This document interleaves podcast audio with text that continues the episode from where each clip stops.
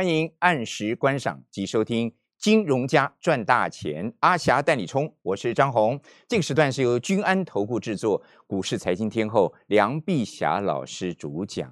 哎，阿霞曼舞老师最近哈带我们的凉粉玩一些这个猜谜游戏，我觉得非常有趣。呃，猜什么呢？就是猜这个美股每天的收盘指数。哎，昨天好像一二三都不是，所以昨天全部送分。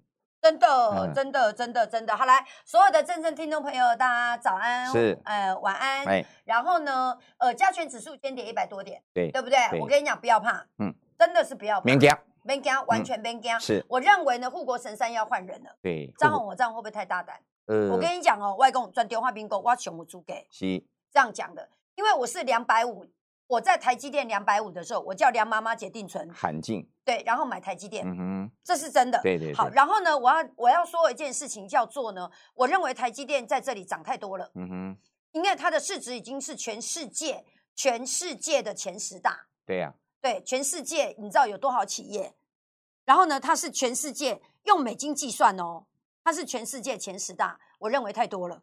我认为庞大，对我认为呢，那谁会谁最应该要先停止买进台积电？嗯，叫做呢，你手上呃买台积电零股的人要先停止买进，是要先停止买进。好换句话讲，你的操作资金只有五十万、六十万的，嗯，只有七十万的，请不要再买台积电。要换股操作了，要呃，原来有台积电的人，嗯嗯。你要不要卖随便你，因为是你不是外会玩嘛哈。但是我认为，我今天要提出一个非常重要就的事情，就叫做呢，我认为护国神山要换人了。是，哎我认为护国神山要换人。这是非常我讲是，我讲的是真的。没错，我再一次的重说，全中华民国只有阿霞有资格讲这句话，因为我是两百五叫你买台积电的人。对我现在叫你不要再给我追了，是这样懂我意思吗？好，来换别的股票。哎好，那换什么股票？那这是第一个今天节目的重点。嗯第二个节目的重点叫做，那台积电会不会跌？对台积电会不会跌？我我想认为台积电不会跌。你休想它跌下来让你买便宜货。是你以为别人都傻瓜哦？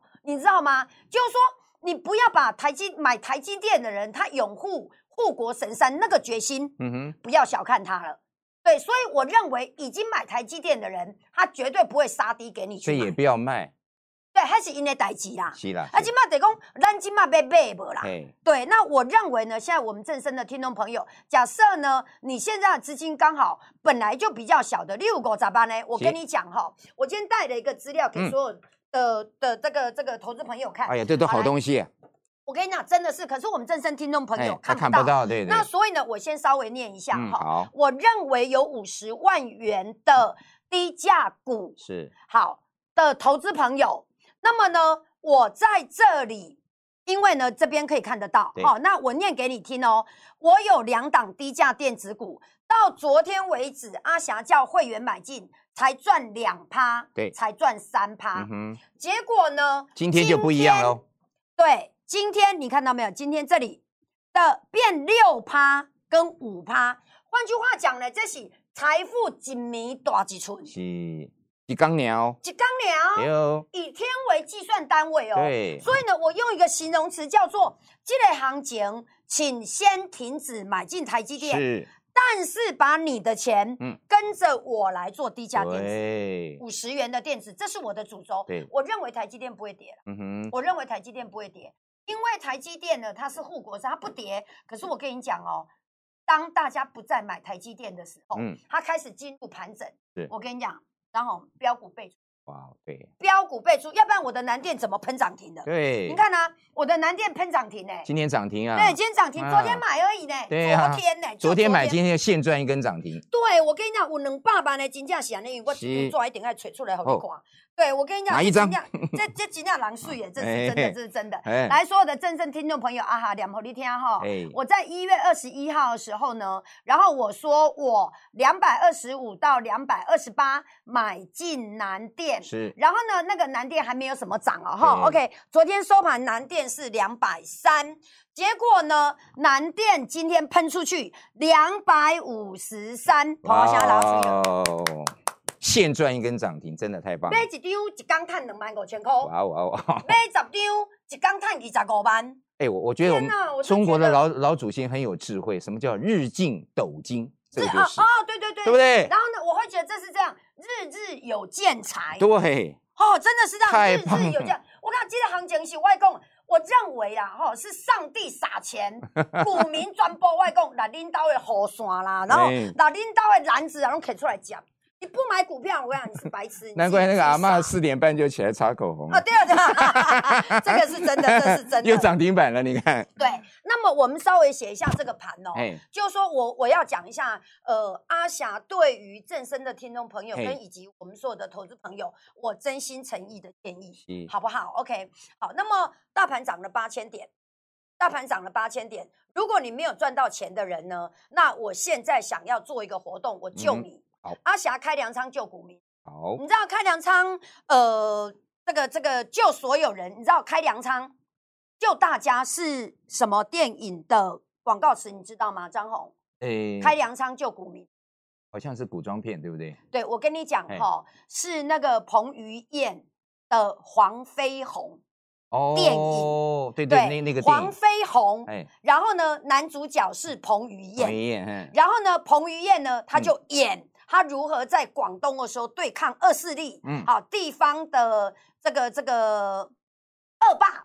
然后呢，因为那些恶霸呢，把所有大家需要的东西良知全部囤积起起来，甚至骗一些比较没有知识的人，然后把他们骗出国，然后把它做人口贩子卖掉。嗯，然后呢，那个彭于晏呢，跟他的一群这个侠义侠义之士。朋友，嗯，对侠义之士。然后呢，他们就说：“那我们把人给放了，嗯。我们把粮仓打开，打开，然后呢，让大家能够有的吃，有的穿，不再饥饿。救济灾民，没错，嗯所以开粮仓救股民，就是就是我阿霞现在要做，我倒觉得阿霞曼我老师有点像妈祖婆，真的对不有。我跟你讲，以前是女神，现在变妈祖本。对啊，普度众生啊，让大家都有钱赚，对，那可是问题是开粮仓救股民，我们怎嘿么做？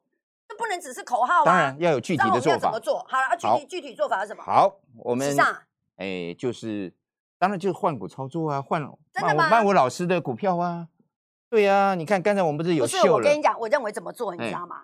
我认为呢，所有正声的听众朋友哎打电话进来，对，因为正声的听众朋友一波他都扫描我们的对对 line，对对，对，按照刚才当挂波头。挂波头加控理嘛，控理吼那我认为是这样做。哎我跟你讲哈，所有的正声听众朋友，如果你真心真意的相信阿霞真的是在两百五的时候叫梁妈妈解定存，外公弯弯步啊，哎，弯步啊，一世人都要欠三百万。对杨妈妈其实很幸福了，我觉得。对，没有啦，她幸福是因为有我。当然，我的意思就这样子。外公一一金价的是三百万。是，对，然后呢，因为我是投顾老师，啊，然后我大概我我一直跟梁妈妈讲说，妈妈，我袂当来你报白，歹势。啊，然后梁妈妈嘛嘛讲，马紧啊，马紧，你去做工课，啊，我遐寄定期的就好。那为什么在去年的时候呢，我真正动不了，是因为呃，我们的央行呢，把利率对调得太两趴。降甲一趴，无到一趴，你知无？寄一年无到一趴，啊！梁妈妈就讲啊，你这实在是伤低啊！我旧年过年的时候，我包十万给梁妈妈。嗯真的，你干嘛我安怎讲？你知无？我跟梁妈妈讲说啊，妈妈，我我毋是讲妈妈这十万给你哦，嗯我毋是讲安尼哦，我甲梁妈妈讲，妈妈，这是一千万的利息，你客气。你看我有甲我讲话无？对对对对对真的，我就真正包十万给伊啊，嘿啊，我包十万给伊，多一千万的利息呢。是是是，对啊，然后我就跟梁妈妈讲，梁妈妈，真正是哦，无臭无潲，嗯真正是一一年的利息无到一趴。我讲妈妈，你改定期的，对真正我挡袂牢啊。对对对，啊，妈妈讲啊，改定期的要买啥？我讲妈妈，你要台积电。是，然后我公开在电上讲，我说呢，我说妈妈，啊，你买台积电跟联跟迄个联发科，我公开在电上讲，嗯，中国有港口人无法多对牛片下这股票诶。那我跟你讲，你就去买台积电，就去买联发科。是，到目前为止，现主席全部起三倍。我加几嘞。我说梁妈妈很幸福，是嗯真的有这个我们主席啊，也就是曼谷老师这么孝顺的女儿啊，对啦，我我我很孝顺，啊因为我真的把一千万的利息而且而且梁妈妈现在绝对不止三百万了，哦，要求哦，不得了，不得了哦，拜托哎，哎今嘛哦，今嘛不得了，两百五，你看涨到多少了？对呀，现在六百万都不止了，对啊，两六百万哦，啊啊，梁妈妈逐工咧喙笑目是舌讲，是是啊，这个连妈妈嘛唔敢嘿问我股票，是伊唔敢问，是伊真正唔敢问，因为因为他是我的一等亲嘛。哎，然后呢，我也讲妈妈，我袂当来你报白，还是要好啦啊现在遵守相关规定哈。当然啦、哎当然素颜型妈妈就就这样子。好，那我要讲的事情，可是问题是我们正身听众朋友又跟我不是一等亲，所以是我来当报白呀嘛，又又看不到我们的画面，那怎么办呢？所以正声听友真的打电话进来。对呀，打打电话进进来，好不好？来，我跟你讲哈，我们今天是礼拜五，礼嗯拜哎、我们的节目在礼拜六有没有？没有，没有。我们到礼拜一了，对对，下礼拜一。所以我们是礼拜五的晚上跟礼拜一的早上，是。好不好？来好，那打电话进来的呢，你只要讲护国神山、嗯，台积电二、好，护国神山二都可以。嗯好，那甚至呢，你就直接跟我讲说，阿霞开粮仓救股民对。假设你老我讲的是这股哈，我就来你报低价股，好，好不好？啊，中国你若讲护国神山，代表迄计小较悬的嘛，啊对不对？啊，我来你报一个较悬的嘞。是两个不同的途径哦，嘿呐，一个高价一个低价，因为我认为这个盘根本没有走完。哎啊哈，我跟你讲，张红，我再说一次哦，我认为护国神山换人绝对不是坏事。对我，跟你讲，我保证是好事。是是是，为什么？因为已经嘛较管了，已经嘛精力，哦，迄资金拢溢出来，你知无？对对对，四千多亿的资金嘛，溢一个五百亿出来，我来讲标股进出啊，所以台积电不见得会跌，它在那边盘的话，指数也不会跌，但是指数不会跌，但是其他股票飙翻了。现在中小型股空间就很大了啊，对，没错，没错，没错 OK，You got it，就是你今妈在听有啊哈。我跟你讲，我我都把那个张红当成，只要张是红听懂，所有的真正听都听懂了。听懂。如果连张红坐我隔壁，他都听不懂，不懂啊，你那也可能会听有啦。如果我装懂怎么办？所以你的意思说，你到现在还是没懂吗？没有，我真懂啊，真懂。OK，好，来，我们工商服务时好，我们间。在进工商服务之前，我想讲一段啊，就是其实，在我们股市的股民也有三种啊，一种是先知先觉，这种股民一定赚到钱；第二种是不知呃后知后觉，说不定还可以赚到钱，但是千万不要做不知不觉，那你就绝对赚不到钱。没错，所以，我希望我们正声的听友，还有我们 YouTube 现场的观众朋友，您都是先知先觉的股民，所以你现在要赶快，我们进工商服务时间，赶快拨通我们的工商服务专线，外线是请加零二七七零一八八九八零二七七零一八八九八啊，告诉我们李专就是您的大名、您的手机号码，还有你的资金部位。刚才阿霞老师也说，如果说你你报这个呃妈妈祖婆，哎、保救救我哈啊，那那就知道要让你买低价股哈啊。如果说你是报护国神山的话，那就买高价股，两种不同的，两种不啊，同，真的吗？但是 结果都一样，都会赚到钱，而且是赚大钱，对不对？好，零二七七零一八八九八零二七七零一八八九八，赶快拨通，千万不要做那个不知不觉的股民，赚不到钱的啊！哦，我再次提醒你，哎，张红也是心地很善良，我也希望所有的 这个散户投资朋友都能够赚到钱，而且是赚大钱。呃，就是这辈子都做侯亚郎啊，啊，不要做这个善郎，就没有钱很辛苦的。很辛苦，很对对对辛苦。好 OK 我们节目进行到这边也要告一个段落了啊，我们休息片刻，待会儿再欢迎所有的朋友回到节目现场。OK，欢迎所有的好朋友继续回到我们金融家赚大钱，阿霞带你冲的节目现场，我是张红，坐在我旁边就是睡当当的呃梁碧霞梁老师，也就是阿霞老师、曼舞老师。哎，张红，我觉得你很奇怪，我哎觉得你讲话都很顺，可是现在盖小瓜的时哎阵，你就会打结。啊，因为公你是咧安怎？哎，马就大大瑞。把哎呦哎，有水准啊！哎，回家真的有练了。哎来，你哎再继续讲完。哎，把酒大大蕊，皮然后呢？啊豆豆。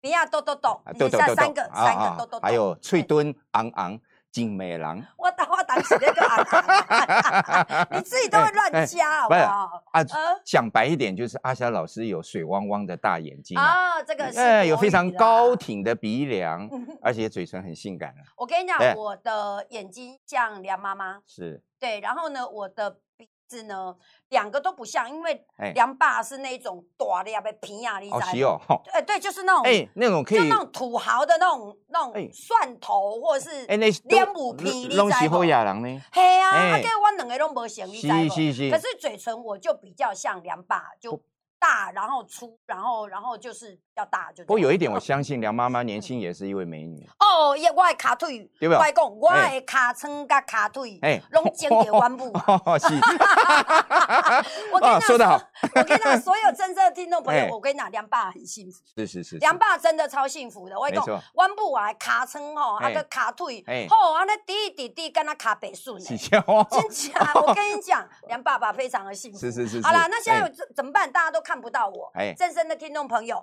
你一定要在非凡的 A 岛国点半，有跟非凡晚上的十点半，对你一定要想办法。第一个，先看到节目，然后看到阿霞。对然后呢，如果你真的没有办法看到呃电视的话，那没有哎关系。我们在网络上的 YouTube，对你只要打一个阿阿，阿霞，就是要你赚大钱。阿阿拉丁神灯的啊阿，那还有什么阿呢？哎啊哎，阿布啊，都没没有掉。还有还有阿门呢，阿门，对不对？阿门的 阿，哎阿对，然后阿阿狗的，啊哎还有什么？哎，还有还有什么？阿哎。阿娘喂？阿 阿娘伟好像要加个口字啊，阿娘哦阿娘喂哎，那个阿对。好 OK，阿霞就是要你赚大钱。对。我们的 YouTube 上面呢，每一集的节目呢，大概我的那个盘中股票问我，过去一两个礼拜全部都上万了，是全部每一集都上万的。嗯嗯嗯嗯那你知道张红，我们的正身的听众朋友，因为他们知道我这嘛，吼有可是你知道我们放在 YouTube 上面，嗯那马龙五千啊呢？是，哇塞，我们非常稳定的成长每哎、欸，我干嘛讲咱安尼连销为嘛五千啊？你看我笑，所以我们也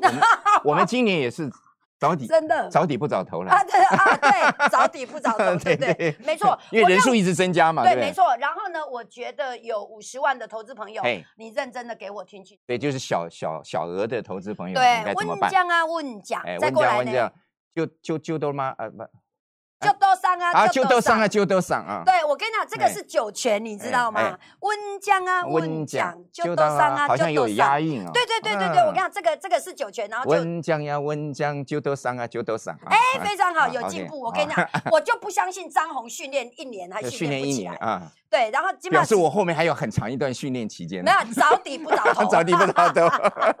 好啦，好那我要讲的事情叫做，我认为问讲诶诶诶闲话是，诶当哥看后呃，我跟你讲哈，张浩，我跟你，我认为我我我现在开车嘛，嗯，然后呢开车，我觉得在现在在马路上我看到最多的是什么哎？Uber Eat，我看了几点嘛都不欢迎，，Uber 丢，我看了一点都没有开心。嗯你知道为什么嗯我没有开心吗？嗯，因为经济状况其实不是非常好。对，嗯所以黑龙是笑脸人，你知道不？我曾经看到一个 Uber Eat 嗯。怎么样？你知道？黑是一个妈妈，我讲伊个囡仔徛伫伊的迄个奥多巴的头前，带着小，伊小朋友。后壁是 Uber Eat，哇哦，小孩子的玩具，我讲的是真的，嗯。小孩子的玩具掉在，因为等红绿灯嘛，嗯掉出来了。是，哇。嘿，你看偌危险，哇，那个那个画面，你看偌危险，丢丢丢，不但危险，我想看了也会心酸了。阴暗九点半，阴暗九点半，因为我在还在为生活打拼，对，无毋得阴暗九点半，带囡仔，互囡仔徛伫迄个、迄个、迄个、迄个机车的头前，嗯哼，后壁是上 Uber Eat，哦，我目屎就要啉了。你敢知影？我我一直讲我港口，我港口人实在是没有没有翻身的余地啊。对，然后我要讲一件事情，叫做我今仔日五十万的诶诶股票，是五五十块的股票，是你买十张，你敢若今仔趁偌济？今仔趁三万几块。有啊，三点三点五趴嘛，好像。当对我问你哦，你知道 Uber Eat 上几上一周会当趁偌济无？好像很少了，五十块，有啊，五十块。不成比例啊，我跟你讲，真的是我我我现在讲到这个，我那个心酸的感觉又出来了。我跟你讲，张红，你知道很嗯多人问我说：“啊哈，你嗯既然股票要准，你嗯为什么还要当投顾老师就是把所有的投资朋友当做自己一样啊。我我在节目当中也分享过，就是嗯阿霞老师虽然现在是拥有了一切，可是他为我们所有的投资以及会员朋友们拼的好像一无所有。？”我跟你讲，我常常讲一句话，就大嗯家要相信，对，大家要相信张小燕做节目不是为了钱，没错，对，大家要相信，蔡依林开这个演唱会也不是为钱，也不是为了钱，是为了什么？享受舞台，对是为了享受舞台上的所有的成就感。对所以，当我例如说，我让我的投资朋友买低价的五十块的股票，我一刚会当帮伊探沙趴的时候，一刚会当探三万的时阵对，我感觉我牛配下讲了不起，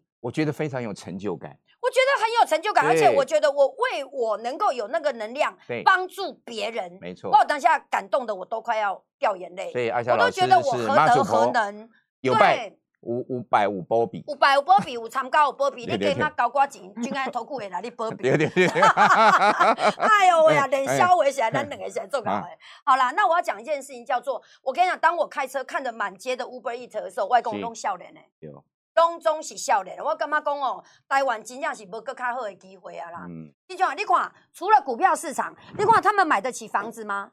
买不，起，完全的买不起，你想都别想。没错，可是呢，如果假设有一个赚钱机会，那就是什么？就剩股票市场了。没错，好，那么我们现在要问的，嗯张宏，你应该问我说哎，阿霞，那请问现在股票市场已经涨到一万六了，还能买吗？你问我，你问我，你现在问我。啊，股票市场从八千点看到一万六，现在一万六已经到了，今天收盘都在一万六以上，涨了八千点，但是很多散户投资朋友不见得会赚到钱。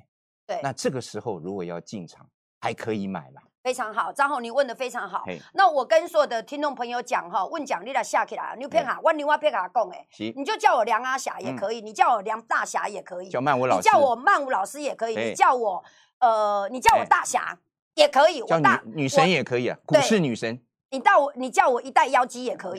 好来，我跟你讲哦哎，你就给我记得哎写下来，好，一万六不会跌，一一六零零零一万六不会跌。是为什么不会跌？因为没有人会给你买便宜货。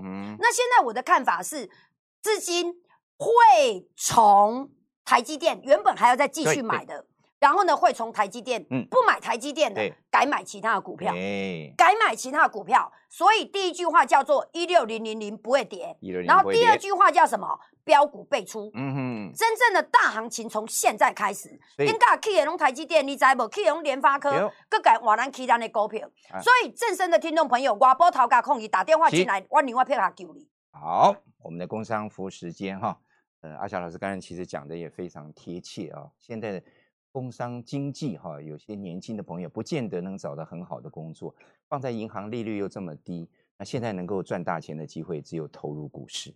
股市当然，如果说你的资金不多的话也没有关系，那就交给我们阿霞曼舞老师来帮您做一个专业的处理。所以这个时候千万不要再做不知不觉的股民。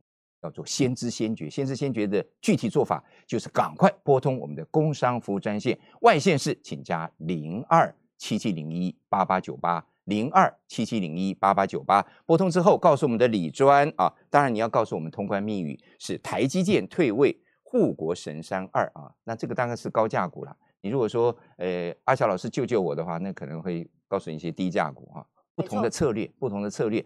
但是你的资金多少，阿霞老师都会帮您做最妥善的一个运用，最后的结果就是帮您赚到钱。零二七七零一八八九八零二七七零一八八九八，赶快拨通，做一个先知先觉的股民。好，我们再回到节目现场，哎，张宏，你知道吗？哎人家打电话进来的时候哎，你知道他们都最常问哪一个问题？哎，他们都最常问说，他们都问都问问问李专李专，嘿，啊哈，金马归回。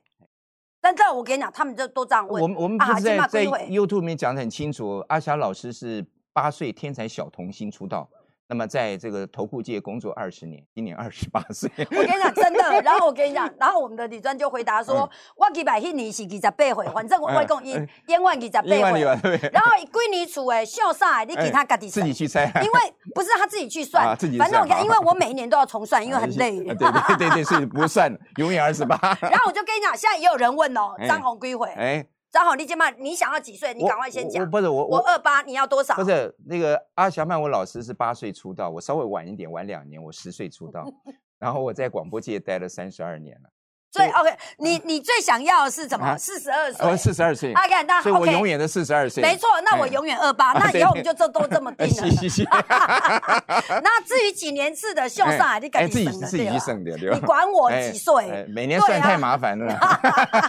好了，那我要讲一件事情，叫做现在成交量是四千亿。是，好，那我认为四千亿是一个常态量因为还会有更多的资金对。动没掉然后呢，从银行体系出来，从寿险基呃资金里面出来，然后呢，这个钱出来之后要买什么股票嗯，我认为会从低价股开始买。低。价股，我认为会从低价股开始买，所以呢，五十万你不要选自己的资金少，嗯哼，我牛片卡讲的就是真的，不要嫌自己的资金少嗯，五十万找一支股票，好好的去一倍，你就一百万啊，一百万跟第二支股票，你就两百万啊。人类因为梦想而伟大，不要认为自己渺小，你只要能够站在巨人的肩膀，你就看得到。是。我梁碧霞二十八岁，张红四十二岁，哎。我们就是你攀上财富的最好的阶梯。请利用梁碧霞，好请利用张红，谢谢我们财富火力全开。耶好，我们的工商服时间，阿霞老师讲得好，人类因梦想而伟大，我们要站在巨人的肩膀上，巨人当然就是我们的阿霞老师、曼舞老师。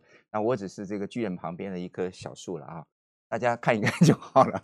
好 好我我们还在工商服时间啊，快点来！外线事请加零二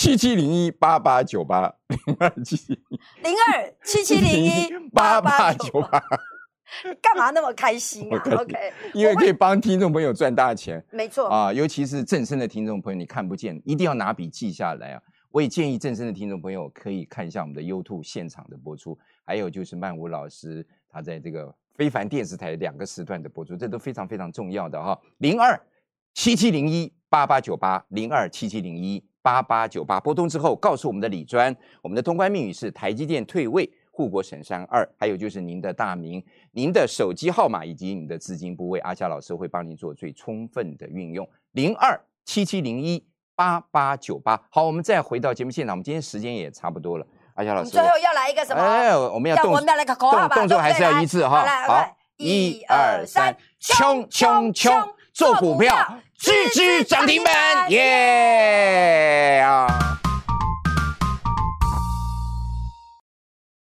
本公司与所推荐分析之个别有价证券无不当之财务利益关系。本节目资料仅供参考，投资人应独立判断、审慎评估并自负投资风险。